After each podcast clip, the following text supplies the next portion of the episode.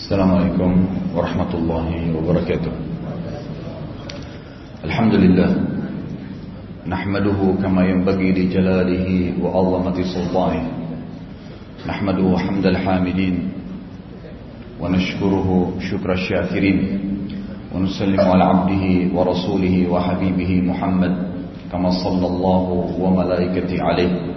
عدد خلقه ورضا نفسه وزينة عرشه ومداد كلماته.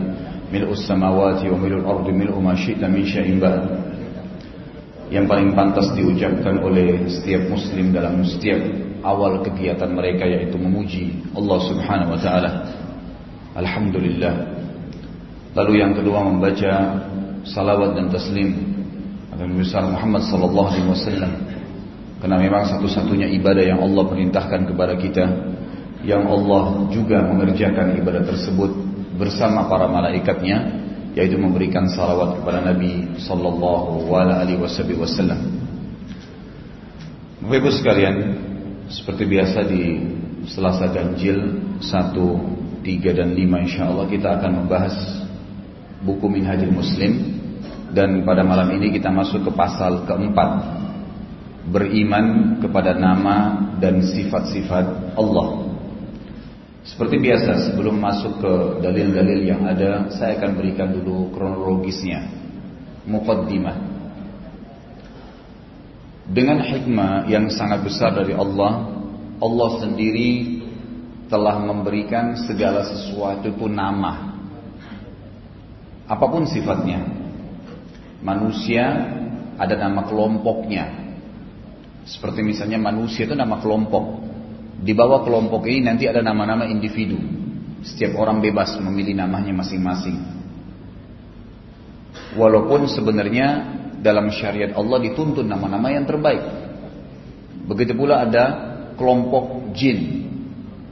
Juga di bawah jin ini ada banyak individual yang bebas mereka memberikan nama satu sama yang lain. Sebagaimana kita tahu salah satu pimpinan daripada syaitan yang bernama iblis ada nama Kemudian juga pohon-pohon. Nama kelompoknya pohon. Tapi di bawah pohon nanti ada pohon beringin, ada pohon buah mangga, ada pohon pisang, ada pohon ini dan seterusnya. Ada sayur-sayuran. Begitu pula dengan hewan-hewan. Nama kelompoknya hewan. Seperti Allah sebutkan juga surah khusus namanya surah Al-An'am. Hewan-hewan. Di bawah kelompok itu juga banyak cabangnya. Ada harimau, ada singa, ada ular, ada kambing, ada sapi, macam-macam. Hikmah yang paling besar kenapa Allah Subhanahu wa taala menjadikan sebuah sistem yang harus ada nama agar kita lebih mudah untuk mengenal satu sama yang lain dari makhluknya Allah Subhanahu wa taala ini. Nabi kita Muhammad sallallahu alaihi wasallam saking perhatiannya dengan nama ini Sampai-sampai beliau menyuruh para sahabat untuk memilih nama-nama yang terbaik. Bahkan ada di antara sahabat yang mengganti nama mereka karena maknanya salah atau maknanya tidak baik. Seperti misalnya beliau mengatakan dalam hadis sahih riwayat Bukhari Muslim, "Ahabbul asma'i ilallah Abdullah wa Abdurrahman." Nama yang paling Allah cintai adalah Abdullah dan Abdurrahman. Kalau anda bilang sudah banyak orang yang bernama Abdullah dan Abdurrahman, tidak masalah. Tidak ada masalah. Kita lihat di kalangan sahabat banyak sekali yang bernama Abdullah. Yang terkenal saja yang suka meriwayatkan hadis ada lima. Abdullah bin Umar, Abdullah bin Abbas, Abdullah bin Mas'ud, Abdullah bin Zubair, Abdullah bin Amr bin As. Ada Abdullah ada juga sahabat yang lain Abdullah bin Rawaha biasa. Tidak ada masalah itu. Masalah nama mereka sama tapi yang jelas nama yang paling Allah cintai adalah Abdullah dan Abdurrahman. Kemudian ulama mengatakan semua nama yang datang setelahnya yang dinisbatkan kepada Allah. Abdul Ghafur, Abdul Syakur, semua nama-nama yang kita sudah tahu Asmaul Husna yang diambil. Lalu datang setelahnya nama-nama yang mulia adalah nama para nabi dari Adam alaihissalam sampai Muhammad sallallahu alaihi wasallam. Adam, Idris, Nuh, Saleh, Hud, ya, Ismail, Ishaq, Yaqub, Ibrahim, Musa, Isa, Daud, Sulaiman, Ilyas, Yas'a, semua nama-nama Muhammad sallallahu alaihi wasallam nama-nama yang mulia, nama para nabi-nabi. Ini juga dianjurkan ya untuk memilihnya. Kemudian datang setelahnya semua nama yang bermakna baik. Walaupun dalam bahasa kita, bahasa Indonesia atau dalam bahasa Arab mungkin punya makna yang baik atau misalnya punya makna yang baik dalam bahasa Afrika, intinya punya makna yang baik. Hanya saja ada sedikit titik berat di sini masalah nama-nama yang dipilih dianjurkan oleh para ulama untuk mengikuti sunnah Nabi Shallallahu Alaihi Wasallam dengan memilih satu nama saja.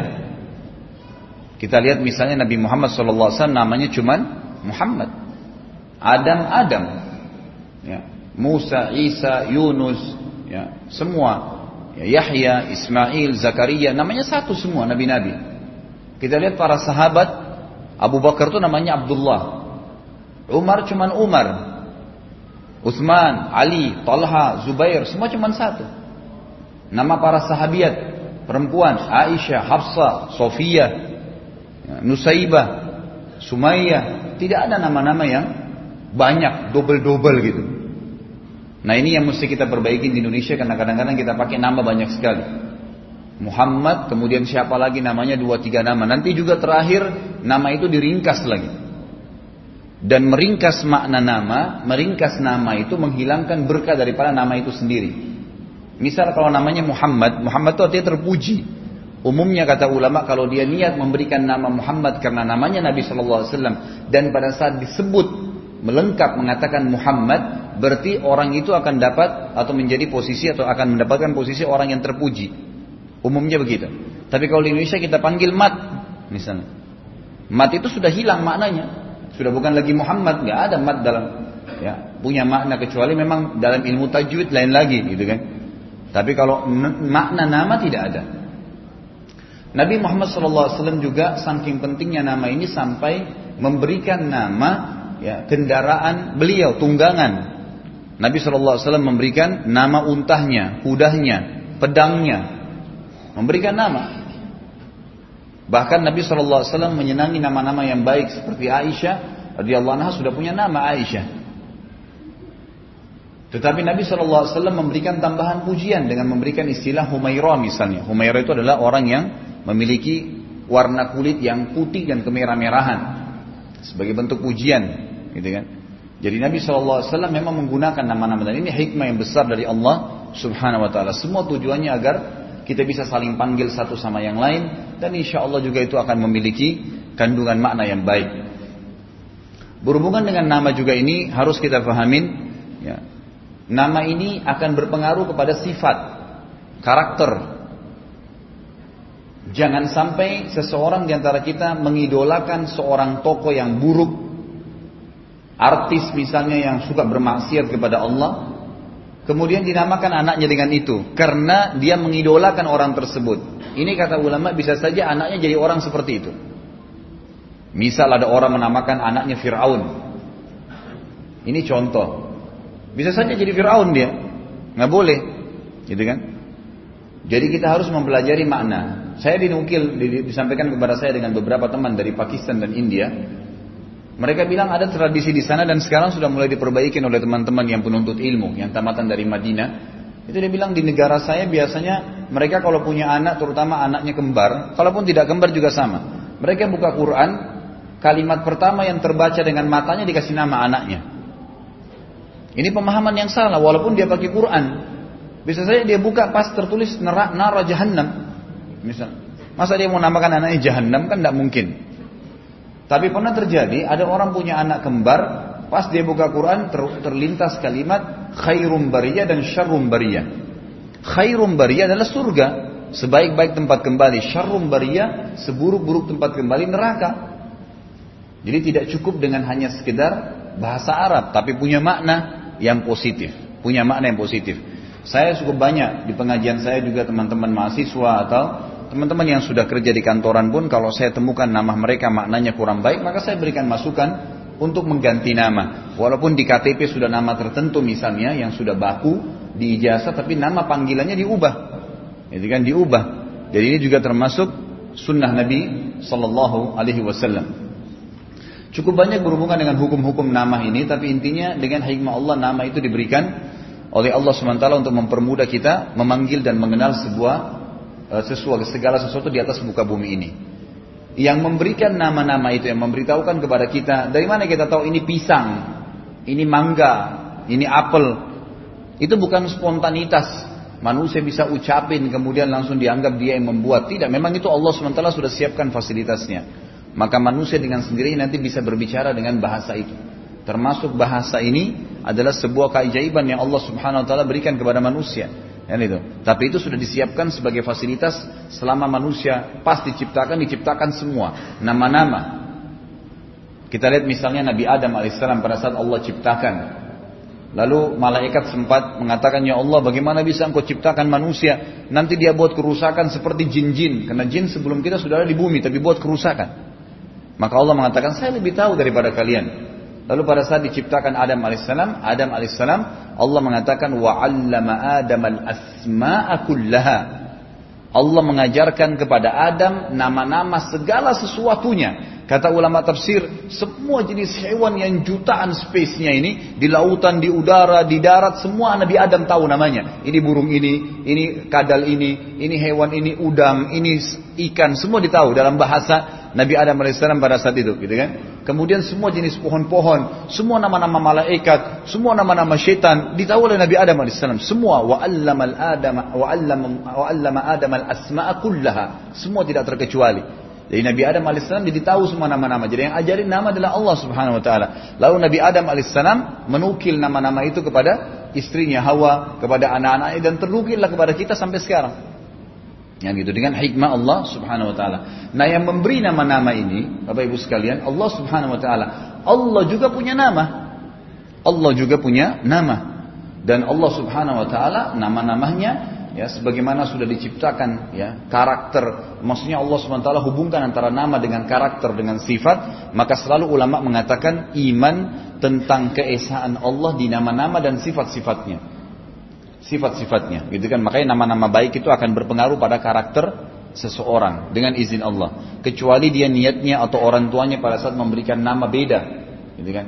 Ada orang menunjuk satu tokoh masyarakat Kemudian dia jahat, dia berikan nama anaknya. Bisa saja anaknya seperti karena orang itu karena dia sudah niatkan, dia sudah niatkan. Tapi kalau dia niat mencari nama seperti yang makna yang sebenarnya, seperti kata Nabi SAW, ya, asdaqul isim Hammam wa. Nama yang paling jujur adalah Hammam wa Harith, gitu kan? Dalam riwayatnya dikatakan Humam, Humam wa Harith. Ini di antaranya, gitu kan? Nama-nama yang mulia. Tentu juga kita bisa mengambil nama-nama para sahabat dan sahabiat. Kita bicara sekarang tentang nama-nama dan sifat-sifat Allah Subhanahu wa taala. Jadi Allah juga pencipta punya nama. Punya nama. Saya bacakan kata Imam ya, Syekh Abu Bakar Jazair, mohon maaf, seorang muslim beriman kepada Asmaul Husna, nama-nama Allah tapi selalu sifatnya husna. Namanya Allah tidak ada yang buruk, semuanya baik. Yang dimiliki Allah Azza wa Jal yang dan sifat-sifatnya yang teragung dengan tidak mempersekutukan siapa pun dengannya di dalam asma'ul husna dan sifat-sifat tersebut. Ia tidak mentakwilkannya, menginterpretasikannya dengan arti yang tidak sesuai dengan maksudnya. Jadi misal Allah Subhanahu wa taala memiliki sifat dan nama Allah itu punya tangan misalnya. Allah punya tangan. Ya tangan. Kita imani bahwasanya Allah punya tangan. Tetapi tidak boleh diinterpretasikan tadi, dimaknakan seperti tangan manusia, nggak bisa. Jadi kita harus mengimani keberadaannya tapi tidak menanyakan bagaimananya. Karena memang ulama mengatakan hikmah daripada Allah menciptakan tangan hewan berbeda, tangan jin berbeda, ya tangan manusia berbeda, malaikat yang memiliki sayap berbeda Allah SWT ciptakan agar manusia berpikir Allah Subhanahu wa taala jauh lebih sempurna daripada semua itu. Jauh lebih sempurna daripada semua itu. Jadi kaidah dalam mengimani nama-nama Allah itu ada. Ada kaidahnya harus diikutin. Tidak boleh ditakwil. Takwil itu diartikan lain. Seperti misalnya beberapa kelompok, ada kelompok namanya Mu'tazilah. Mu'tazilah itu mengatakan tangan Allah itu yang dimaksud dalam Al-Quran. Ayat berbunyi, A'udzubillahi rajim, Yadullahi fauka aidihim. Tangannya Allah di atas tangan-tangan mereka. Kan, dia, mereka mengatakan ini bukan tangan, tetapi memang ya kekuasaan Diartikan lain. Misal ada bunyi dalam surah Qaf tentang masalah neraka. Allah Azza wa Jalla akan berfirman hari kiamat pada neraka pada saat dimasukkan orang-orang ke dalam neraka orang-orang kafir dan orang fasik. Naudzubillah Allah mengatakan halim talati wahai neraka apa kau sudah penuh? Neraka mengatakan hal min mazid. Ada tambahan gak ya Allah? Lemparin aja terus. Lalu Nabi Muhammad SAW berkata dalam hadis Bukhari mentafsirkan ayat surah Qaf ini berkata Lalu neraka terus berkata, hal min mazid, hal min mazid, tambahkan ya Allah, tambahkan ya Allah, masukkan saja semua orang-orang kafir dan fasik itu. Sampai Rabbu Izza wal Jalal. Maksudnya sampai Allah, zat Tuhan yang maha perkasa dan mulia, meletakkan telapak kakinya yang mulia di atas neraka. Sehingga membuat neraka menjadi mengkerut seperti mengkerutnya segumpal daging kecil yang diinjak oleh manusia, gitu kan? Jadi mengkerut dia neraka. Bagaimana Allah alam? Tapi hadis ini menjelaskan Allah punya telapak kaki, kan gitu. Kita wajib mengimani Allah punya telapak kaki, tapi kaidahnya tidak boleh ditakwil, nggak boleh dialihkan maknanya. Oh dikatakan itu bukan kaki misalnya, itu nggak boleh. Contoh yang lain hadis Bukhari, kalau tertinggal sepertiga malam Allah Azza wa Jal turun ke langit bumi. Berarti ada turun, kan gitu. Sifatnya Allah SWT di antaranya turun ke langit bumi. Apakah itu ditakwilkan? Ada orang menakwilkan, oh tidak, Allah nggak turun maksudnya, tapi rahmatnya yang turun. Tidak. Memang kita wajib imani Allah turun, tapi kita tidak kita tidak menakwilkan maknanya. Jadi beliau mengatakan, tidak boleh kita mengimani semua nama-nama husna dan sifat-sifat Allah yang mulia tanpa mentakwilkannya tanpa menginterpretasikannya dengan arti yang tidak sesuai dengan maksudnya sehingga mentakfil ini kaidah yang kedua. Kaidah pertama mentakwil. Me mengalihkan maknanya. Tangan bukan tangan tapi kekuasaan misalnya itu tidak boleh. Kemudian tidak boleh mentaktilnya taktil ini membatalkan menolak secara mutlak meniadakan sifat tersebut dan tidak boleh pula mentashbih. Ada empat poin nanti ya, ada empat kaidahnya. Tidak boleh takwil, mengalihkan makna, tidak boleh ta'til, membatalkannya, tidak boleh juga tashbih, menyerupakannya dengan makhluk, membayangkan seperti makhluk. Kemudian juga tidak boleh takyif, ya. Lalu menanyakan hakikat sifatnya, takyifnya.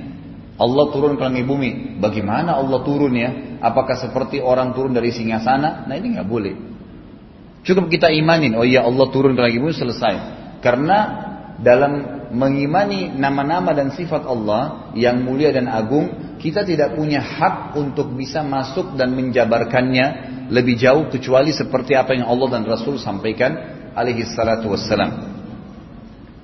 Kata Nabi SAW di dalam hadis yang sahih, Berbicaralah, berbicaralah di makhluknya Allah. Ya. Kelebihan-kelebihan Allah, tapi jangan berbicara di zatnya Allah.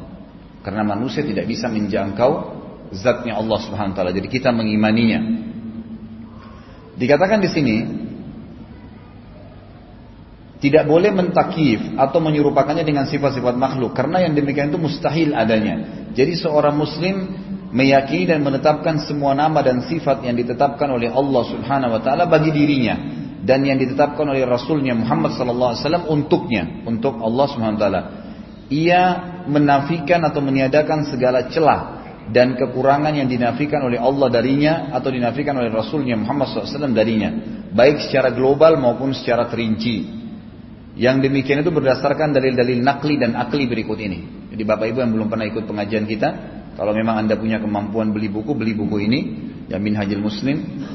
Di sini selalu tradisi beliau, kelebihan Syekh Abu Bakar Jazair rahimahullah, beliau sudah wafat semoga Allah rahmati ya. Beliau sempat mengajar mungkin 30 tahun di Masjid Nabawi atau mungkin lebih.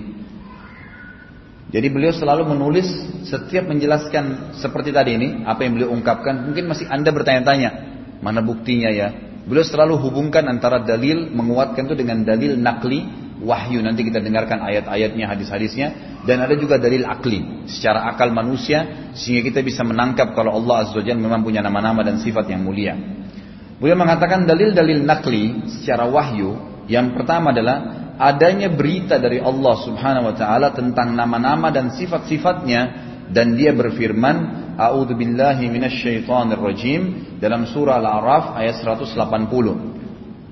ولله الأسماء الحسنى فادعوه بها وذروا الذين يلحدون في أسمائه سيجزون ما كانوا يعملون hanya milik Allah lah nama-nama yang husna yang mulia. Dan bermohonlah berdoalah kalian kepada Allah kepadanya dengan menyebut asmaul husna itu. Ya sebagaimana Nabi SAW contohkan beliau kalau membaca doa misalnya ya ghafur ikfirli Ya Tawwab, tub alayya. Ya Razzaq, urzukni. Ya Rahim, irhamni. Gitu kan? Jadi kita menggunakan nama yang maha pengasih, kasihanilah kami. Yang maha pengampun, ampunilah kami. Yang maha pemberi rezeki, berikanlah kami rezeki. Dan seterusnya. Itu menggunakan nama-nama yang mulia dari Allah subhanahu wa ta'ala. Dan tinggalkanlah orang-orang yang menyimpang dari kebenaran dalam menyebut nama-namanya. Kata para ulama tafsir yang mentakwil-takwilkan tadi, mengalih-alihkan nama Allah atau menolaknya secara keseluruhan. Nanti mereka akan mendapatkan balasan terhadap apa yang telah mereka kerjakan. Juga dalam firman-Nya surah Al-Isra ayat 110 bunyinya a'udzubillahi minasyaitonir rajim Qul Allah aw id'ur rahman ayyamma tad'u falahul asmaul husna. Katakanlah seruhlah Allah atau seru Ar-Rahman. Kalian mengatakan ya Allah atau ya Rahman, ya Rahim, ya Wadud, ya Syakur, apa saja nama-nama Allah yang mulia. Maka yang mana pun kalian sebutkan seru, dia mempunyai asmaul husna, nama-nama yang mulia, gitu kan? Kita tahu juga tentu para raja, presiden, pejabat punya nama-nama itu. Seperti ada nama kelompok dan ada nama individual. Kalau raja Persia dulu itu terkenal dengan uh, Kisra. Nanti Kisra ini punya lagi nama. Seperti Kisra di zaman Nabi SAW namanya Anusinwan misalnya. Kemudian ada raja-raja Romawi yang berjulukan Kaisar. Nanti ada Kaisar siapa lagi gitu kan. Itu memang ada julukan-julukan seperti itu. Raja-raja juga punya. Ya. Dan Allah SWT lebih layak memiliki nama-nama dan julukan tersebut. Ya. Kemudian ada di Mesir Fir'aun. Fir'aun itu julukan nama kelompok, istilah nama kelompok ya. Nanti ada yang hidup, ada Fir'aun keberapa. Seperti yang pernah ribut dengan Nabi Musa AS itu dikenal dengan Fir'aun Ramsis kesekian gitu kan. Kemudian juga ada raja-raja Yaman yang berjulukan Tubba. Dan ada juga raja-raja dari Ethiopia yang berjulukan Najasyi. Julukan-julukan seperti itu. Allah subhanahu wa ta'ala punya nama-nama yang kita janjikan untuk gunakan dalam berdoa dan memohon kepadanya. Allah subhanahu wa ta'ala telah menegaskan bahwasanya dirinya maha mendengar, sami' dan maha melihat, basir, maha mengetahui dan maha bijaksana, ya. Alim, gitu kan. Maha kuat dan maha perkasa, jabbar, ya. mutakabbir, zil jabarut, maha lembut lagi maha mengetahui, latif, khabir, gitu kan sesuatu yang tersembunyi lagi maha mengetahui sesuatu yang tersembunyi maha mensyukuri dan maha penyantun syakur maha pengampun lagi maha penyayang rahmanur rahim al-ghafur. Dia telah berbicara dengan Musa ya bersemayam atau istiwa di atas arsnya di atas singgasananya dan menciptakannya dengan kedua tangannya dan bahwasanya dia mencintai orang-orang yang berbuat kebajikan. Berarti ada sifat cinta meridohi orang-orang yang beriman. Berarti ada sifat ridha dan sifat-sifat zatiyah yang berhubungan dengan diri, zatnya Allah, gitu kan? Fisiknya Allah dan sifat-sifat fi'liyah, sifat-sifat yang berhubungan dengan perbuatannya yang lain seperti kedatangannya, turunnya Allah ya di sepertiga malam dan dia tegaskan dalam kitab suci Al-Qur'an dan diucapkan oleh Rasulnya Muhammad sallallahu alaihi wasallam. Jadi dalil pertama dari sisi wahyu bahwasanya memang Allah punya nama-nama dan sifat-sifat yang disebutkan. Tentu ada banyak ayat yang berhubungan dengan masalah ini. Ini cuma sebagian kecil yang diangkat. Yang kedua, bukti secara wahyu bahwasanya Allah punya nama-nama dan sifat-sifat yang boleh kita panggil. Berita dari Rasulullah SAW tentang nama-nama dan sifat-sifat Allah yang tertera di dalam hadis-hadis sahih yang sangat jelas.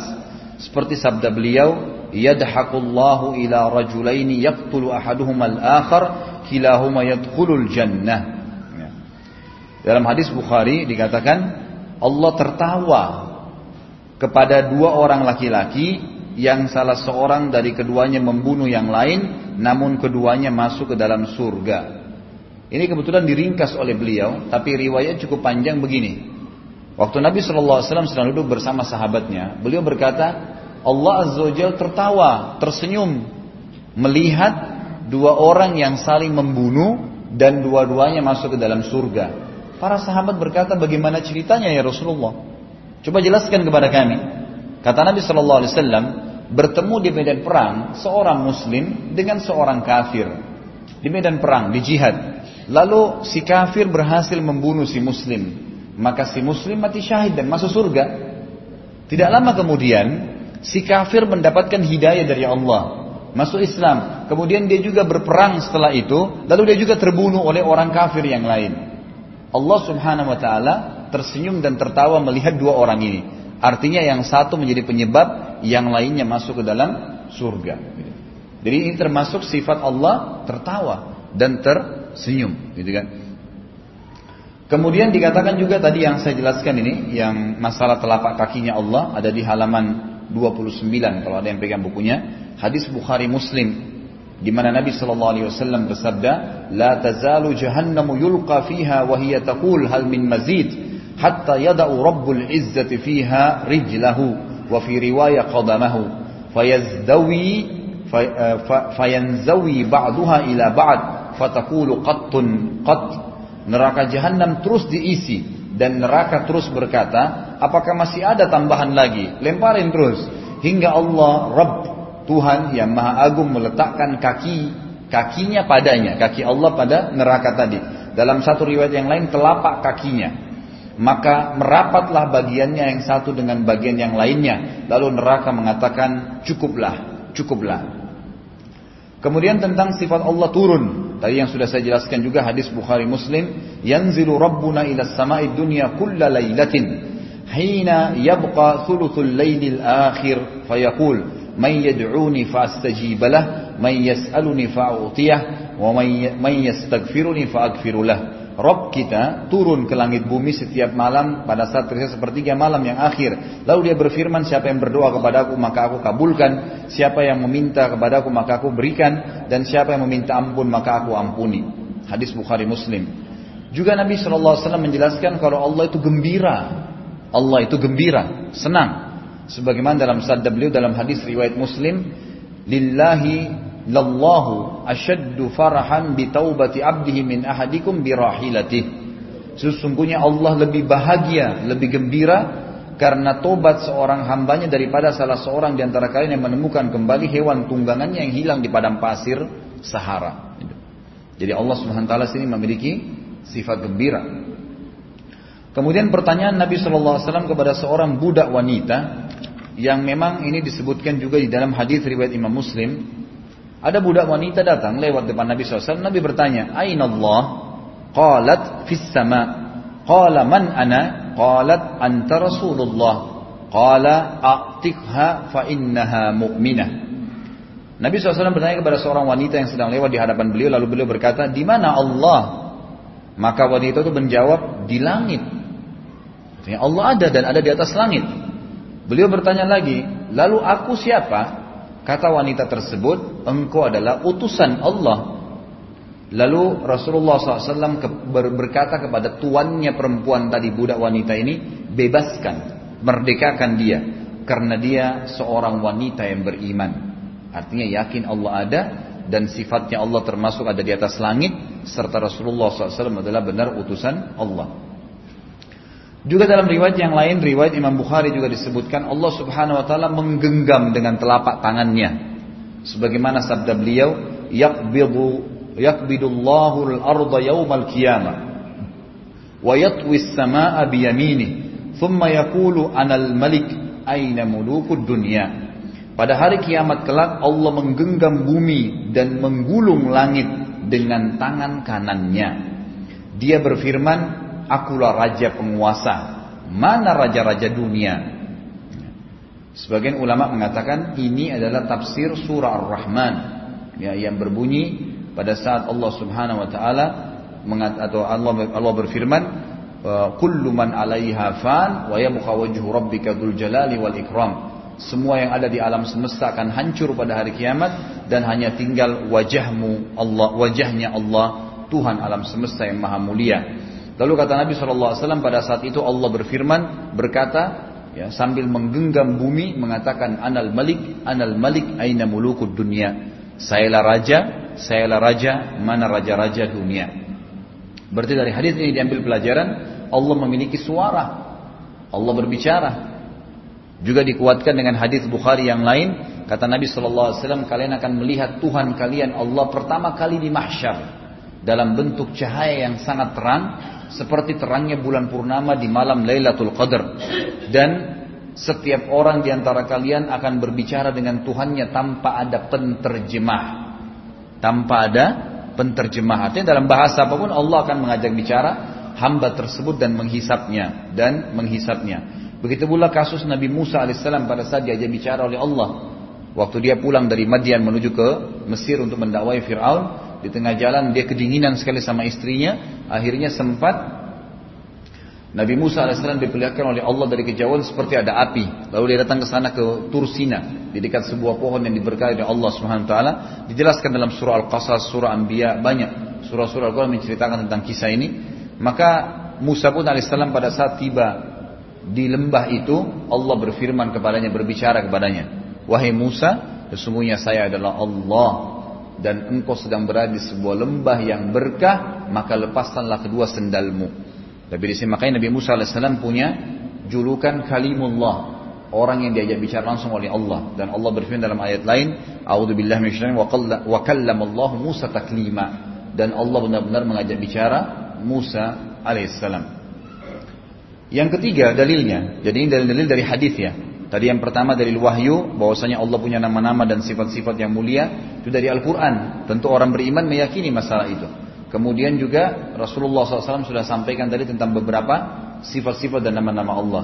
Yang ketiga, secara wahyu, nakli, pengakuan kaum as-salafus salih Salafus salih ini para sahabat dan tabi'in dan generasi sahabat tabi'in dan para tokoh madhab yang empat Imam Abu Hanifah, Imam Malik, Imam Syafi'i dan Imam Ahmad bin Hambal rahimahumullah tentang sifat-sifat Allah Azza wa Jal dan mereka tidak mentakwilkannya, tidak pula menolaknya atau mengeluarkannya dari makna lahirnya. Tidak seorang pun dari sahabat Nabi yang mentakwil salah satu sifat Allah Azza wa Jal atau mengatakan bahwa zahir sifat ini bukan yang dimaksud. Akan tetapi mereka beriman kepada maknanya dan mengartikannya sebagaimana zahirnya. Tangan ya tangan, kaki ya kaki, turun ya turun. Mengimani itu tanpa mentakwilkannya. Mereka mengakui bahwa sifat-sifat Allah, mereka mengetahui bahwa sifat-sifat Allah Azza wa itu tidak seperti sifat-sifat makhluk. Maka dari itu ketika Imam Malik ditanya tentang firman Allah, Imam Malik ini gurunya Imam Syafi'i ya. Beliau lagi ngajar, dan ada muridnya datang lalu berkata, "Wahai Imam, bagaimana pendapat Anda tentang firman Allah surah Taha ayat 5? A'udzu billahi minasyaitonir rajim. Ar-Rahmanu 'alal arsyistawa." Yaitu Rob yang Maha Pemurah yang bersemayam di atas arsh.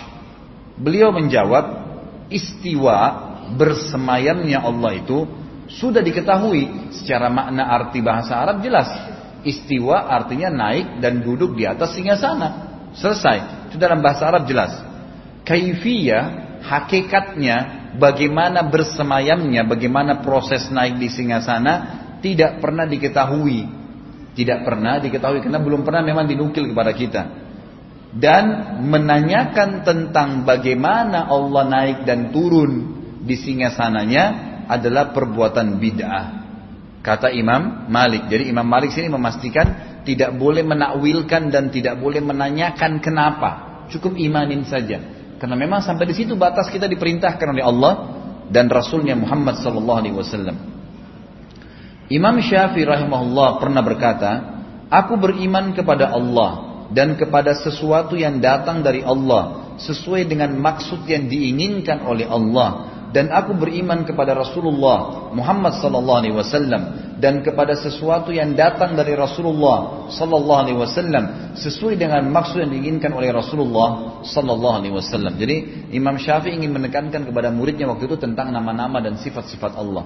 Artinya beliau menekankan keyakinan kita dalam apa manhaj sunnah wal Jamaah adalah kita harus mengimani semua nama-nama dan sifat-sifat Allah seperti yang Allah sampaikan tanpa dan sesuai dengan apa yang Allah inginkan maksudnya. Kita nggak mengubah-ubahnya. Tidak menanyakan sesuatu kalau memang tidak ada penjelasannya. Cukup seperti itu kita imanin.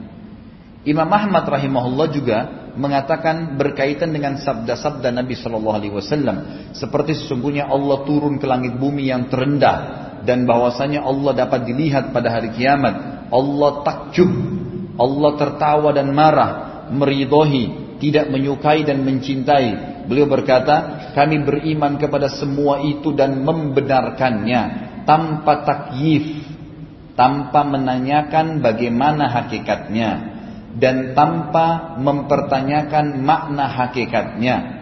Maksudnya adalah kita beriman bahwasanya Allah Azza wa Jal turun yanzil dalam bahasa Arab yang dapat dilihat kelak di akhirat. Dia berada di atas arsnya terpisah dari makhluknya. Akan tetapi kita tidak dapat mengetahui hakikat atau kaifiat turunnya Ru'ya melihat Allah nanti cara bersemayamnya dan makna yang hakiki untuk itu semua harus diimani. Emang seperti itu. Semua pengetahuan tentang masalah itu kita serahkan sepenuhnya kepada Allah yang telah memfirmankannya dan telah mewahyukannya kepada Nabi Muhammad SAW. Kita tidak menentang Rasulullah SAW, tidak pula menetapkan sifat bagi Allah Azza wa Jal lebih dari apa yang ditetapkan oleh Allah Subhanahu Wa Taala bagi dirinya dan dari apa yang ditetapkan oleh Rasulnya Muhammad SAW baginya tanpa batasan namun kita tetap mengetahui bahwasanya Allah SWT tidak menyerupai segala sesuatu apa pun dan dialah yang maha mendengar lagi maha melihat.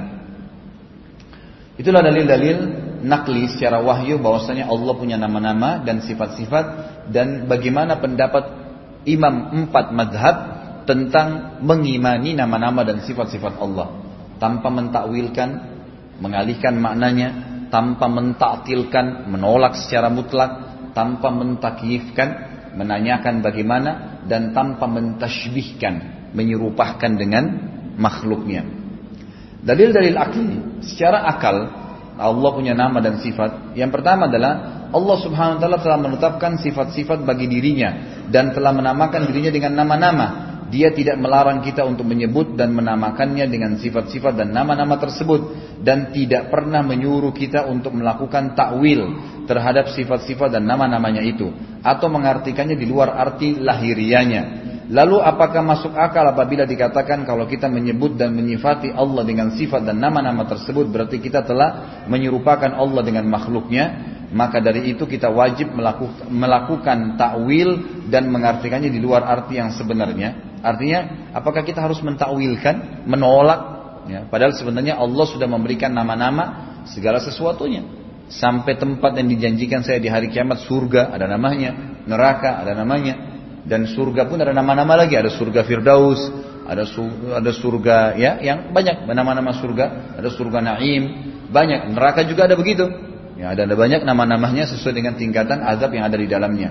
Jadi sudah jelas kita tidak perlu men, ya, sebagian ulama mengatakan kita tidak perlu mentakwilkan makna nama-nama Allah sebagaimana kita tidak perlu mentakwilkan sebuah rumah yang jelas kita lihat depan mata kita, maka kita menamakannya rumah. Tidak perlu kita mengubah mengatakan rumah itu sudah jelas dan kita mengatakan oh bukan ini ya hanya pohon misalnya. Seperti itu kurang lebih gambaran dari Syekh Abu Bakar rahimahullah. Sehingga dengan begitu kita menjadi mu'attilin, kalau kita menolak nama-nama itu nanti kita akan masuk orang-orang yang sengaja menolak atau meniadakan nama-nama Allah.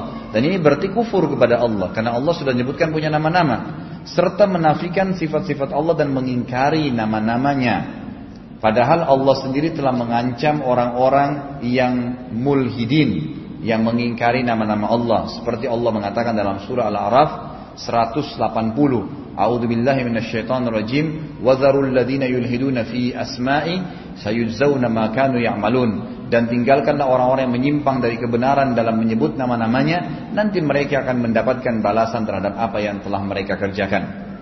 Yang kedua, bukankah orang yang menafikan salah satu dari sifat Allah karena takut dari tashbih? Ada orang bilang, gak usah dia bilang tangan, walaupun Allah bilang yadullahi fauqa idihim, tangan Allah di atas tangan mereka. Gak usah deh, nanti kalau kita gitu nanti kita menyerupai dengan manusia.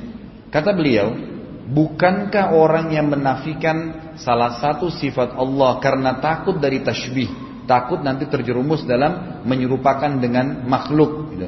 Itu berarti telah menyamakan sifat-sifat Allah dengan sifat-sifat makhluk. Nggak perlu kita khawatir kok, gitu kan? Kemudian kalau kita tak karena takut dari tasbih ia lari darinya dan terjebak di dalam nafi, akhirnya meniadakan dan ta'til, membatalkan nama-nama tersebut. Maka dengan begitu ia menafikan dan mengingkari sifat-sifat Allah yang telah dia tetapkan bagi dirinya. Dan dengan demikian berarti ia telah melakukan dua dosa besar sekaligus, tashbih menyerupakan Allah dengan makhluknya karena takut tadi gitu kan dan juga ta'til membatalkannya jika demikian adanya bukankah sesuatu yang masuk akal bila Allah Azza wa Jal disifati dengan sifat-sifat yang telah ditetapkan bagi dirinya dan dengan sifat-sifat yang diungkapkan oleh Rasulnya Muhammad sallallahu alaihi wasallam dengan keyakinan bahwasanya sifat-sifat Allah itu tetap tidak seru, tidak serupa dengan sifat-sifat makhluknya sebagaimana zat Allah itu sendiri tidak sama dan tidak serupa dengan zat makhluknya. Kemudian poin terakhir dalam bab ini adalah sesungguhnya beriman kepada sifat-sifat Allah dan menyifati Allah dengannya tidak mengharuskan tasbih dengan sifat-sifat makhluk, menyerupakan dengan makhluk. Sebab akal sehat itu sendiri tidak menolak kalau Allah Subhanahu wa taala mempunyai sifat khusus baginya yang tidak serupa dengan sifat-sifat makhluknya. Tidak akan pernah sama kecuali hanya dalam sekedar nama dan sebutan saja. Maka sang pencipta memiliki sifat-sifat khusus baginya sebagaimana bagi makhluk memiliki sifat-sifat yang khusus baginya. Ketika seorang muslim beriman kepada sifat-sifat Allah dan menyifatinya dengan sifat-sifat tersebut, ia sama sekali tidak berkeyakinan dan tidak pernah terlintas dalam hatinya bahwasanya tangan Allah itu misalnya mirip atau sama dengan tangan makhluk dalam makna seperti apa pun jua. Yang demikian itu karena sang pencipta Allah SWT sangat berbeda dan tidak sama dengan makhluknya baik pada zat maupun perbuatannya. Kita lihat firman Allah taala dalam surah Ikhlas yang sudah kita hafal sama-sama dan kita tutup dengan surah Asy-Syura ayat 11. Al-Ikhlas empat ayat bunyinya A'udzubillahi minasyaitonirrajim. Qul huwallahu ahad. Katakanlah dialah Allah yang Maha Esa. Esa dari segala sesuatu. Dari fisiknya, dari sifatnya, nama-namanya. Memang gak ada yang menyerupai. Itu makna daripada Allahu Ahad. Jadi Allah Esa dalam segala sesuatu. Nggak ada yang sama dengan dia. Baik fisiknya, namanya, dan juga sifat-sifatnya. Allahu Samad. Ayat kedua. Allah adalah Rob yang tergantung kepadanya segala sesuatu. Tergantung kepadanya segala sesuatu. Kita lihat Fir'aun pada saat mengaku sebagai Tuhan. Dan akhirnya sebelum Allah tenggelamkan apa yang terjadi? Allah timpakan Mesir musim peceklik. Kering sekali. Fir'aun bingung. Mau ambil dari mana air? Tadinya dia ngaku sebagai Tuhan, tapi Allah sengaja keringkan, tidak turun hujan. Sampai-sampai dalam riwayat dikatakan sungai Nil habis airnya. Dan di istana Fir'aun pun kehabisan air. Semua pohon-pohon kering, semua hewan-hewan mati dan banyak manusia yang mati. Fir'aun bingung, tanya penasihat-penasihatnya mengaku sebagai Tuhan nih. Coba, apa saran kalian nih? Kata mereka sudah nggak ada lagi Fir'aun. Apalagi yang kamu mau lakukan? Semua upaya sudah kita lakukan. Sudah keluarin dana, coba datangin air, coba digali sungai Nil, coba ini, coba itu, coba pakai ilmu sihir, coba kasih tumbal. Nggak ada semua. Tinggal satu yang belum kau lakukan. Kata Fir'aun, apa itu? Kata para penasehatnya, kamu belum minta kepada Tuhannya Musa. Maka Fir'aun pada saat itu terdesak lalu mengatakan, baiklah panggil Musa. Begitu Musa AS datang, Lalu berkata ya e, e, Fir'aun wahai Musa, kalau Tuhanmu yang kamu selama ini kumandankan itu dan sebutkan bisa menurunkan hujan dari langit, maka saya dan semua pengikut saya akan beriman. Nabi Musa alaihissalam senyum dan berkata wahai Fir'aun, benarkah kalau Tuhanku dan Tuhanmu Allah turunkan hujan dari langit, lalu kau akan beriman? Dia bilang tentu saja, karena dia sudah buntu nggak bisa buat apa-apa. Allah tahan saja. Ini maknanya memang Allah samad. Allah itu bergantung segala sesuatu padanya. Maka Fir'aun pun mengatakan tentu saja. Di depan Fir'aun Nabi Musa AS berdoa mengangkat tangan ke langit mengatakan Ya Allah zat yang telah menahan air hujan ini turunkanlah dengan izinmu. Turun hujan sebelum Musa AS menutup tangannya dari doa. Maka pada saat itu sebulan penuh di Mesir hujan. Sampai sungai Nil penuh kembali. Semua tumbuh-tumbuhan subur. Semuanya orang bisa hidup kembali. Apakah Fir'aun beriman? Tidak sama sekali. Fir'aun masih mengatakan dengan kalimat sederhana, ke tanda kekufuran dia dan menolak keimannya kepada Allah. Dia bilang, oh sudah saatnya hujan turun. Akhirnya dia menolak dan akhirnya meninggal dalam tenggelamkan oleh Allah SWT dengan air yang selama ini dia anggap remeh itu. Lalu dikatakan lam yalid walam yulad. Allah tidak punya asas, tidak ada orang tuanya dan tidak punya cabang, nggak punya anak-anak.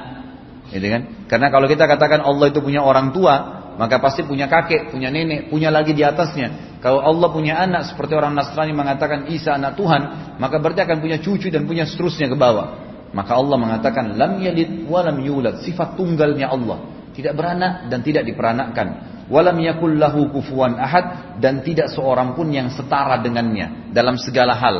Dalam segala hal, dalam zatnya, sifatnya, nama-namanya dan semuanya. Dan ini ayat penutup adalah ayat pamungkasnya ayat yang ulama semua sepakat dalam buku-buku akidah siapa pun yang coba menyernungi nama-nama dan sifat-sifat Allah maka dia hubungkan dengan ayat ini.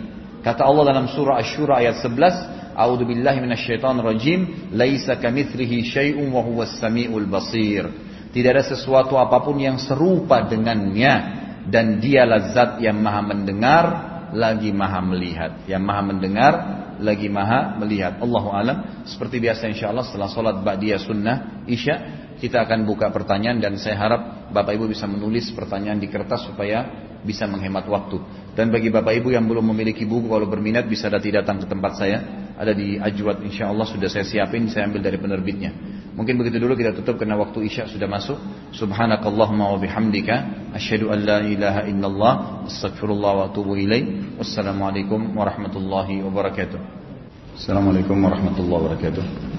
Alhamdulillah wassalatu wassalamu ala Rasulillah. Pertanyaan pertama kalau memberi nama anak depannya al boleh atau tidak? Kalau menggunakan nama-nama Allah, nama-nama Allah misalnya Rahman, Rahim, gitu kan? maka tidak boleh menggunakan al. Karena al ini alif lam muarraf namanya. Jadi dia yang mempertegas apa yang dimaksud. Jadi seperti ar-rahman berarti namanya Allah. Tidak boleh seseorang bernama ar-rahman. Kalau dia menggunakan alif lam berarti dia harus menggunakan abd abdur rahman gitu kan? Tapi kalau ada seseorang bernama Abdul Rahman ditambah dipanggil Rahman, bolehkah? Boleh. Tidak pakai alif lam. Berarti hanya sekedar Rahman sifat ya yang maha yang penyayang gitu kan. Rahman artinya penyayang. Tapi tidak boleh dipanggil orang dikatakan Ar-Rahman. Itu tidak boleh. Harus dipanggil ya uh, Abdul Rahman. Jadi alif lam ini tidak boleh digunakan. Tapi kalau nama-nama selain nama-nama Allah, apa saja mungkin orang menggunakan dengan al awalnya itu masih umum saja.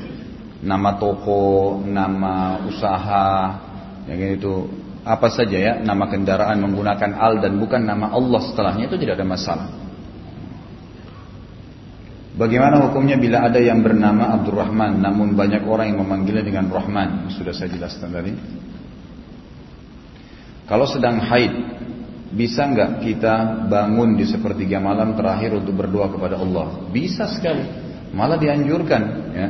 Saya selalu tekankan kepada jemaah saya, terutama ibu-ibu, yang anda tinggalkan pada saat lagi haid dan nifas hanya yang dilarang sholat puasa.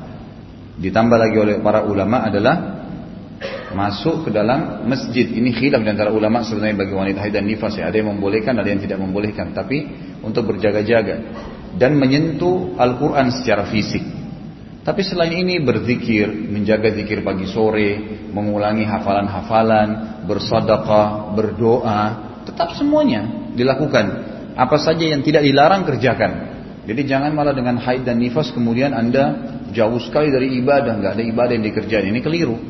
Jadi tetap harus dijaga. Boleh, insya Allah bangun sepertiga malam, berdoa kepada Allah, mengulangi hafalan, tidak ada masalah. Ya. Akhir-akhir ini saya sering merasa tidak bahagia Ustaz. Apa ini? Saya ingin keluar dari pekerjaan saya tidak puas dengan kehidupan saya dan ingin pindah ke kota lain. Ini termasuk kufur nikmat atau sedang ada gangguan jin ya Ustaz? Tergantung keadaannya. Saya tidak bisa langsung menerka atau um, mengambil sebuah hukum di sini. Kalau Anda misalnya merasa terganggu di sebuah kota yang Anda tinggal karena memang gangguan orang Memang di kota itu tidak ada kenyamanan sama sekali. Mungkin karena banyaknya orang yang jahat dan seterusnya. Terlepas daripada dari Jakarta sekarang. Misalnya kota mana saja secara umum di muka bumi ini. Anda terganggu di situ terutama berhubungan dengan masalah ibadah. Inilah penyebab utama dari adanya perintah hijrah. Kan? Karena orang-orang yang terganggu tidak bisa beribadah. Anda juga bekerja di satu perusahaan, ternyata di sana diolok-olok. Mungkin karena pakai jilbab, mungkin karena berjenggot kalau laki-laki, mungkin karena mau sholat Eh, tepat waktu kemudian diolok-olok maka anda kerja apa pindah ke tempat lain hijrah itu boleh saja nggak ada masalah gitu kan? Itu tidak ada masalah. Tapi kalau tidak ada sebab kita lagi nikmatnya alhamdulillah pekerjaannya bagus misalnya eh, rumah tangganya bagus kemudian tiba-tiba saja merasa nggak usah deh saya mau tinggalkan. Atau ribut tiba-tiba rumah tangga tanpa ada sebab. Nah ini memang jelas gangguan dari syaitan. Gangguan dari syaitan harus rukia harus dirukia berobat insya Allah itu akan sangat baik. Dan ini secara kebetulan ada Ustadz Sahal di sini, ya, teman saya yang biasa merukia. Mungkin beliau lagi ada di Kalibata. Nanti sebentar jemaah kalau selesai pengajian ini ada yang butuh nomor telepon beliau, saya akan kasih. Nanti boleh dipanggil, ya, boleh di boleh bertanya konsultasi berhubungan dengan masalah rukyah secara khusus. Ya. Apakah boleh memberi nama masjid dengan asma Allah seperti Masjid Ar-Rahman? Boleh, tidak ada masalah. Tidak ada masalah. Ya, boleh saja. Malah itu positif saja. Karena setiap orang menyebutkan berarti orang akan menyebutkan nama Allah, gitu kan? Tapi kalau menggunakan nama Allah, perhatikan harus selalu ada al tadi alif lam muarraf ya. Alif lam yang mempertegas memang itu nama Allah. Kalau ingin kaya apa ini? Kaya rajinlah sholat duha. Apakah itu hadis sahih? Saya belum pernah temukan lafaz seperti ini ya. Apakah memang sholat duha itu memberikan orang kekayaan? Allahu alam. Tapi yang ada dalam hadis sahih, kalau lafaz seperti ini belum pernah saya temukan. Tapi ada hadis sahih, hadis kutsi, riwayatkan Imam Bukhari, Nabi Shallallahu Alaihi Wasallam bersabda, Allah berfirman, wahai anak Adam, rukuklah untukku di awal pagi empat rukuk, maksudnya empat rakaat duha. Maka aku akan penuhi kebutuhanmu pada hari itu. Aku akan penuhi kebutuhanmu pada hari itu itu ada. Ya Allah alam apakah ini kebutuhan adalah termasuk semuanya menjadi kaya? Allah alam. Saya tidak tahu tapi jelas kebutuhan hari itu dipenuhi oleh Allah dengan mengerjakan empat rakaat sholat duha. Tapi hadis seperti ini orang sholat duha bisa jadi kaya belum pernah saya temukan. Allah alam. Ustaz sebaiknya mulai kapan kita menyiapkan nama untuk anak yang masih dikandung? Nanti aja kalau sudah lahir. Boleh aja kita milih-milih ya. Tapi yang disunnahkan memberikan nama anak dan memilihkan nama untuknya itu di hari ketujuh dari lahirnya. Sebab kata Nabi Shallallahu Alaihi Wasallam, pilihkanlah nama untuk anak kalian dan tumpahkanlah darah, maksudnya akikahkanlah dia di hari ketujuhnya, di hari ketujuhnya. Ibnu Qayyim rahimahullah menambahkan dengan hadis yang lain di hari ketujuh atau hari 14 atau hari ke-21-nya. Jadi hari-hari ganjil, kan hari-hari ganjil. Kalau anda mau milih-milih boleh saja, nggak ada larangan di situ. Tapi memberikan nama anak itu dianjurkan pada hari ketujuh. Ada beberapa hal memang dianjurkan ya, memberikan nama yang baik pada hari ketujuh, kemudian berkurub apa namanya, menyembelih kalau anak laki-laki dua ekor kambing, anak perempuan satu, kemudian mencukur rambutnya, ya, kemudian menimbang dengan timbangan emas ya, dan berinfak sejumlah nilai itu, misalnya rambutnya satu gram, emas segram 500 ribu, kalau anda punya ada kelebihan dana, infakkan sebesar 500 ribu itu. Itu yang dianjurkan memang, itu yang dianjurkan. Sebagian ulama menambahkan dengan menghitannya, ya menghitannya. Jadi menghitan itu juga lebih baik pada saat dia masih bayi, yang masih kecil, karena itu akan lebih membantu pertumbuhan badannya Allah alam dan juga meringankan, tidak terlalu sakit ya. Nama untuk perempuan yang mempunyai arti yang bagus menurut Ustadz kira-kira apa? Mohon bantuannya. Kalau mau nama biasanya orang yang tanya saya, saya terlebih dahulu menanyakan e, mau dimulai dengan huruf apa biasanya gitu kan karena ada orang karena nama dia misalnya dimulai dengan K dia juga mau anaknya K gitu kan atau e, istrinya mulai dengan S misalnya dia mulai dengan S nanti kita sesuaikan huruf yang dia mau itu dengan nama-nama para sahabat dan saya sarankan Bapak Ibu sekalian fokus kalau anak laki-laki paling afdal dengan abd semuanya pakai abdu paling afdal dari Abdullah dan Abdurrahman gitu kan dan semua setelah itu abdu. Abdu siapa saja? Abdul Ghafur, Abdul Syakur, nama-nama yang dinisbatkan kepada Allah Azza wa Jal. Kemudian datang setelahnya nama para nabi-nabi. Ya, nama dari Nabi Adam tadi sampai Nabi Muhammad alaihi wassalam. Kemudian datang setelahnya nama orang-orang soleh dari kalangan sahabat. Sahabat banyak sekali. Ya bisa kita beli. Ada buku judulnya itu nama-nama yang baik buat anak. Kalau tidak salah terbitan pustaka tazkiyah. Eh maaf pustaka Ibnu Umar. Kecil. Mungkin 10 ribuan harganya. Di situ seperti ada kamus ya menjelaskan nama-nama pilihan untuk anak. Itu juga boleh dipilih. Atau kita baca kisah-kisah sahabat Ya saya sarankan ibu-ibu terutama yang lagi hamil kalau mau memilih nama buat anaknya, coba beli buku. Ada buku itu terbitan Ibnu Katsir ya, pustaka Ibnu Katsir, sahabat-sahabat Nabi. Ada juga terbitan buku, saya lupa penerbitnya apa, tapi ada buku sahabiat-sahabiat Nabi, perempuan. Maka itu bisa dilihat nama-namanya mereka, kemudian baca kisahnya, lalu namakan dengan itu. Dan lalu namakan dengan itu. Saya, anak-anak saya rata-rata saya namakan sesuai dengan apa yang saya bagikan tadi itu. Jadi pada saat anak saya pertama lahir saya berikan nama Nusaibah itu karena memang saya melihat kisah sahabiat Nabi yang sangat agung ya, seorang wanita. Kalau anda mau yang bertanya ini menamakan anak anda dengan nama ini juga bagus gitu. Jadi seorang sahabiat Nabi yang memotivasi suami dan anaknya untuk ikut berperang itu Nusaibah binti Ka'ab namanya. Nusaibah ini masih jarang orang pakai ya. Dan saya memberikan nama anak saya yang pertama dengan nama itu karena memang saya terkesan dengan kisahnya beliau radhiyallahu anha. Jadi beliau luar biasa semangatnya untuk menjalankan agama Allah ini besar. Jarang wanita seperti dia. Sampai-sampai dia memotivasi suaminya dan anak-anaknya untuk pergi berjihad, gitu kan? Untuk pergi berjihad. Dan banyak suaminya terbunuh, anaknya terbunuh dan di perang Uhud itu kata Nabi Shallallahu Alaihi Wasallam waktu saya sedang terdesak. Jadi beliau terdesak sudah sampai ke Gunung Uhud. Dan anak-anak panah orang-orang Quraisy banyak terarahkan ke arah saya kata Nabi SAW saya temukan Nusaibah binti Ka'ab mematahkan anak-anak panah itu.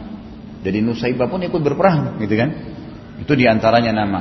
Kemudian ada juga nama-nama yang lain ya. Kalau saya sih saya begitu. Saya baca nama-nama sahabat dan sahabat kemudian saya ngambil gitu. Kemudian ada nama yang saya ambil juga Sumayyah misalnya. Sumayyah itu nama seorang sahabiat perempuan yang pertama mati syahid dalam Islam Sumayyah ini suami istri daripada Yasir. Yasir dan Sumayyah adalah dua orang yang pertama mati syahid dalam Islam di Mekah. Mereka duanya adalah budaknya Abu Jahal yang dibunuh karena disuruh kufur tapi mereka tidak mau. Dan anak mereka bernama Ammar, Ammar bin Yasir radhiyallahu anhu majma'in yang terkenal. Waktu mereka lagi disiksa, Nabi SAW lewat lalu beliau mengatakan sabran ala Yasir fa inna mau'idakumul jannah. Sabarlah wahai keluarganya Yasir, kalau kalian terbunuh di sini, maka kalian akan pasti masuk ke dalam surga dan akhirnya Sumayyah dan Yasir mati syahid ya terbunuh oleh Abu Jahal. Ini di antaranya gitu kan. Kemudian banyak nama-nama yang mulia kan. Nama Aisyah, Hafsa, Sofia, nama istri Nabi. Sauda, kemudian Khawlah gitu kan. Banyak sekali nama-nama. Kemudian kata Nabi SAW eh, telah sempurna dari kalangan laki-laki. Kan ini yang ditanya nama anak perempuan ya. Sempurna dari dari dari laki-laki banyak sekali dan dari perempuan tidak sempurna kecuali empat. Ya, lalu beliau sebutkan Maryam, ya, ibunya Isa alaihissalam, kemudian Asia, istrinya Fir'aun, Khadijah dan Fatimah. Ini berarti nama-nama yang dipilih oleh Nabi Shallallahu Alaihi Wasallam, gitu kan? Jadi kita pilih nama-nama yang mulia dari sahabat dan cukup banyak sahabat yang punya kiprah luar biasa. Kalau kita baca kisah-kisah mereka itu luar biasa, gitu kan? Begitu pula kalau misalnya anak laki-laki, pilih nama-nama sahabat, gitu kan? Pilih nama sahabat Umar, Ali, Uthman, Talha, Zubair, gitu kan? Cukup banyak ikhwah yang saya berikan nama. Seperti saya pilih untuk nama anak laki-laki saya itu Wais Al-Qarni. Dari nama Wais Al-Qarni. Wais ini saya terharu sekali dengar kisahnya. Dia seorang tabi'in tapi yang Nabi SAW berkata kepada atau bersabda dalam sebuah hadis afdalut tabi afdalut tabi'in Wais Al-Qarni paling afdal tabi'in yang datang setelah sahabatku nanti adalah Wais Al-Qarni dari suku Qarn di Yaman ya dia sangat bakti dengan ibunya maka saya mengambil nama itu untuk memberikan nama ke anak saya. Ada juga salah seorang ikhwah pernah minta anaknya laki-laki dan dia ingin nama seorang pejuang laki-laki yang masih jarang dipakai. Maka saya berikan nama Julaibib waktu itu. Julaibib ini salah satu nama sahabat yang badannya tidak terlalu besar tapi luar biasa berani di medan perang. Sampai-sampai di perang Uhud ditemukan dia mati setelah membunuh tujuh orang orang kafir Quraisy. Dan kata Nabi SAW, Ana minhu wa huwa minni. Julaibib ini bagian dari saya dan dia bagian dari dan saya bagian dari dia. Itu di antaranya. Dan ada banyak sekali ya nama-nama yang luar biasa. Ya, Ashja'a, kemudian ada Nu'man ibn Bashir, nama-nama sahabat dan Nu'man. banyak sahabat-sahabat yang lain dan itu memang umumnya umumnya kita bisa mengikuti awal huruf tadi, gitu kan. Kalau saya biasa saya ikutin dari awal hurufnya, ya, dari awal hurufnya sehingga memang kita lebih mudah untuk mencari nama-nama itu Allah alam. Jadi seperti itulah nama-nama yang saya sarankan dan untuk lebih jelasnya bisa baca di buku yang saya bilang tadi nama-nama pilihan dan baik terbitan pustaka uh, Ibnu uh, Umar. Allah alam. Ada lagi yang mau bertanya? Sudah habis nih kertasnya di saya. Sebentar, sini dulu, silakan Pak. Mengenai apa? Akikah. Hmm. Sebesar apa? Perak. Kalau tidak mampu akikah, oh untuk rambutnya. Baik. Jadi pertanyaannya begini, saya punya anak, sekarang sudah dua tahun lebih tapi belum diakikahkan karena belum sudah Ya, artinya pada saat hari yang diperintahkan hari ketujuh belum mampu, mampunya diagakkan setelah dua tahun dan sekarang sudah dilaksanakan. Ada yang berpendapat bahwasanya kalau tidak mampu timbangan rambutnya dari emas ke perak, gitu ya. Baik, jadi ada dua pendapat ulama dalam masalah akikah. Pertama, pendapat pertama mengatakan siapa pun muslim yang tidak punya kemampuan di hari ketujuh dari hari lahir anaknya tidak mampu pada saat itu, maka gugur darinya hukum akikah gugur hukumnya dari akikah. Seperti orang pada saat kewajiban zakat datang padanya tiba haulnya masa setahun gitu kan? Ternyata pada saat hari itu misal besok dia harus keluarin zakatnya sudah tiba haulnya Ramadan misalnya. Hari terakhir Syakban dia sakit keras. Uangnya yang dia tabung tadinya dibayar rumah sakit. Atau ibunya sakit keras. Tiba-tiba besok kalau dihitung nisabnya nggak sampai batas 85 gram emas maka gugur darinya kewajiban zakat. Walaupun sudah masuk tinggal satu hari gitu kan? Nah ulama yang pendapat pertama mengatakan seperti itu akikah. Jadi pada hari H dia tidak bisa maka dianggap dia gugur. Sudah gugur nggak ada masalah.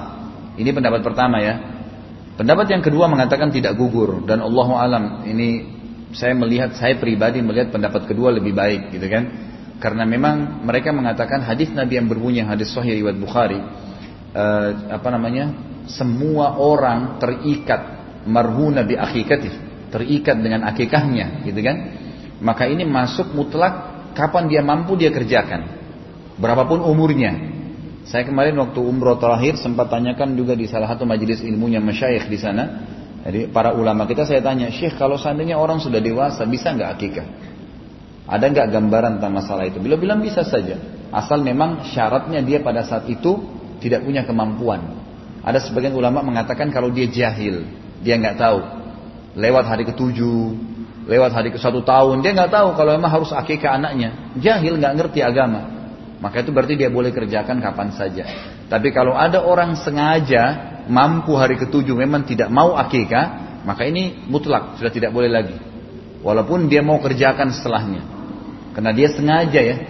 Ini sama hukumnya hampir dengan sholat. Orang sengaja azan memang sampai keluar waktu nggak mau sholat, udah nggak bisa lagi. Lain dengan kalau orang lupa, orang ketidur, ada udurnya, gitu kan, dibolehkan. Jadi Allah alam setahu saya itu pendapat kedua mengatakan boleh saja, ya, boleh saja. Kalau masalah kasus tadi dialihkan kalau emas nggak ada perak itu nggak apa-apa, nggak ada masalah. Karena gini, e, rambut yang dicukur bayi itu hukumnya sunnah muakkadah. Beda dengan akikah, akikah hukumnya wajib. Jadi mencukur rambutnya dan menimbang rambutnya dengan timbangan emas atau perak itu hukumnya sunnah. Dipilih oleh jumhur ulama dengan sunnah muakkadah. Karena Nabi Shallallahu Alaihi Wasallam membedakan antara lafaz menyuruh akikah dengan kata amr perintah, sementara mencukur itu hanya memberikan pilihan. Dan boleh seseorang di antara kalian mencukur rambutnya dan menimbangnya. Jadi memang itu sebuah pilihan opsi, nggak ada masalah. Kita mampu dengan emas, alhamdulillah tidak mampu dengan perak semampunya disodakahkan. Itu hanya penyempurna saja. Sini Pak, silakan. Masalah? Mengubah nama. Baik. Diubah gimana? Enggak diubah. Jadi kalau antum punya nama, ini pertanyaannya saya punya, misalnya saya punya nama dalam bahasa apalah, ya, dalam bahasa daerah kita misalnya dari, dari suku mana pun, kemudian ternyata maknanya nggak baik ataupun punya makna tapi kita ingin lebih syar'i, lebih islami. Wajar Kalau dalam Islam itu orang bernama Muhammad walaupun dia dari Melayu, dari Arab, dari Afrika, dari Barat sama saja. Memang nama-namanya nama-nama Islam jelas gitu kan. Ibrahim, Ismail, nama-nama nabi-nabi, nama-nama tadi nisbat abdu itu semua boleh. Dan saya kalau saya sarankan memang lebih bagus kalau memang diganti, diganti total memang. Diganti total semua. Kalau kita bisa ganti dari akte kelahiran sampai semua surat-surat alhamdulillah gitu kan. Tapi kalau tidak minimal panggilan sehari-hari, minimal.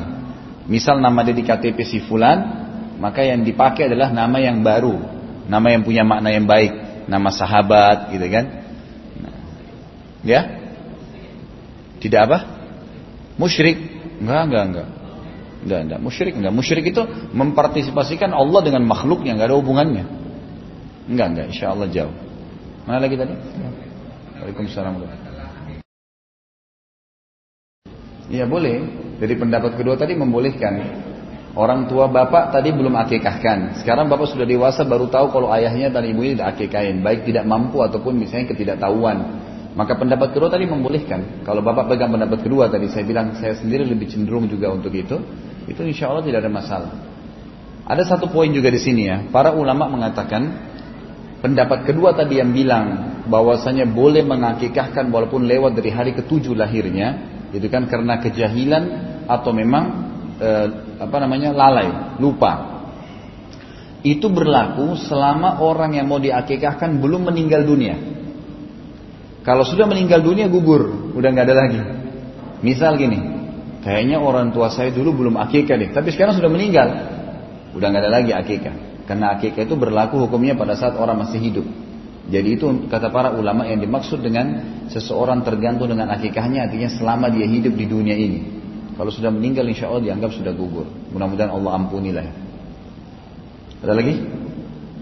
Ya. Maaf sebentar. Ibu-ibu kalau mau jawab pertanyaan ditulis di kertas saja ya supaya nggak kejauhan bisa dikirim ke sini nanti ada panitia yang ambil. Ibu ibu yang sedang hamil atau nyusui di bulan Ramadan. Kalau dia ya. Jadi begini, hampir semua ulama sebenarnya ya sepakat di empat madhab itu jumhur ulama sepakat mengatakan ibu hamil dan ibu menyusui itu mereka punya khiar, punya pilihan. Afdalnya mereka puasa, afdal mereka puasa. Jadi mungkin dengan sahur yang cukup, mungkin dengan buka puasa juga on time dengan gizi yang cukup, insya Allah bisa. Dan saya pernah terapkan sama istri saya dan berhasil. Sahurnya maksimal, buka puasanya juga maksimal, insya Allah tidak ada masalah masa hamil atau masa menyusui tetap bisa, gitu kan? Tapi ini khiar, artinya itu afdalnya. Kalau dia nggak bisa gugur, dan di sini juga sama ulama mengatakan kalau tergugurkan baginya puasa pada hari itu, dia masih masuk dalam bab khiar lagi, pilihan lagi. Lebih afdal dia bayar dengan puasa, lebih afdal. Setelah Ramadan dia bayar dengan puasa. Karena memang Allah mengatakan fa'iddatum min ayyamin ukhar. Harus diganti dengan hari-hari yang lain. Tapi ulama bilang khusus bagi orang yang hamil dan melahirkan ini, kalau memang dia punya udur syar'i, misal dia setelah melahirkan ada masa menyusui dua tahun dan memang dia kalau tidak makan karena kondisi fisiknya asinya bisa hilang, gitu kan, bisa berbahaya bagi si bayi, maka dia boleh tidak membayar dengan puasa.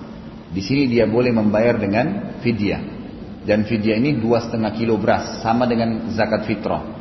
Dikeluarkan per hari diganti jumlah, dihitung jumlah hari yang dia tidak berpuasa atau dia masa menyusui. Tapi tetap lebih afdal kalau dia bayar dengan puasa. Tetap lebih afdal karena memang balance-nya itu dalam Al-Qur'an adalah puasa dengan puasa. Kalau dia tidak bisa baru bisa diganti dengan fidyah. Juga dalam ayat Al-Qur'an ya, disuruh disuruh memfidyah, bisa difidyahkan dengan dengan dengan beras atau makanan pokok kalau tidak mampu. Ada lagi? Sudah? Baik, kalau gitu kita tutup dengan kafaratul majlis. Subhanakallahumma wa bihamdika asyhadu an la ilaha illallah astaghfirullah wa atubu ilaik. Wassalamualaikum warahmatullahi wabarakatuh.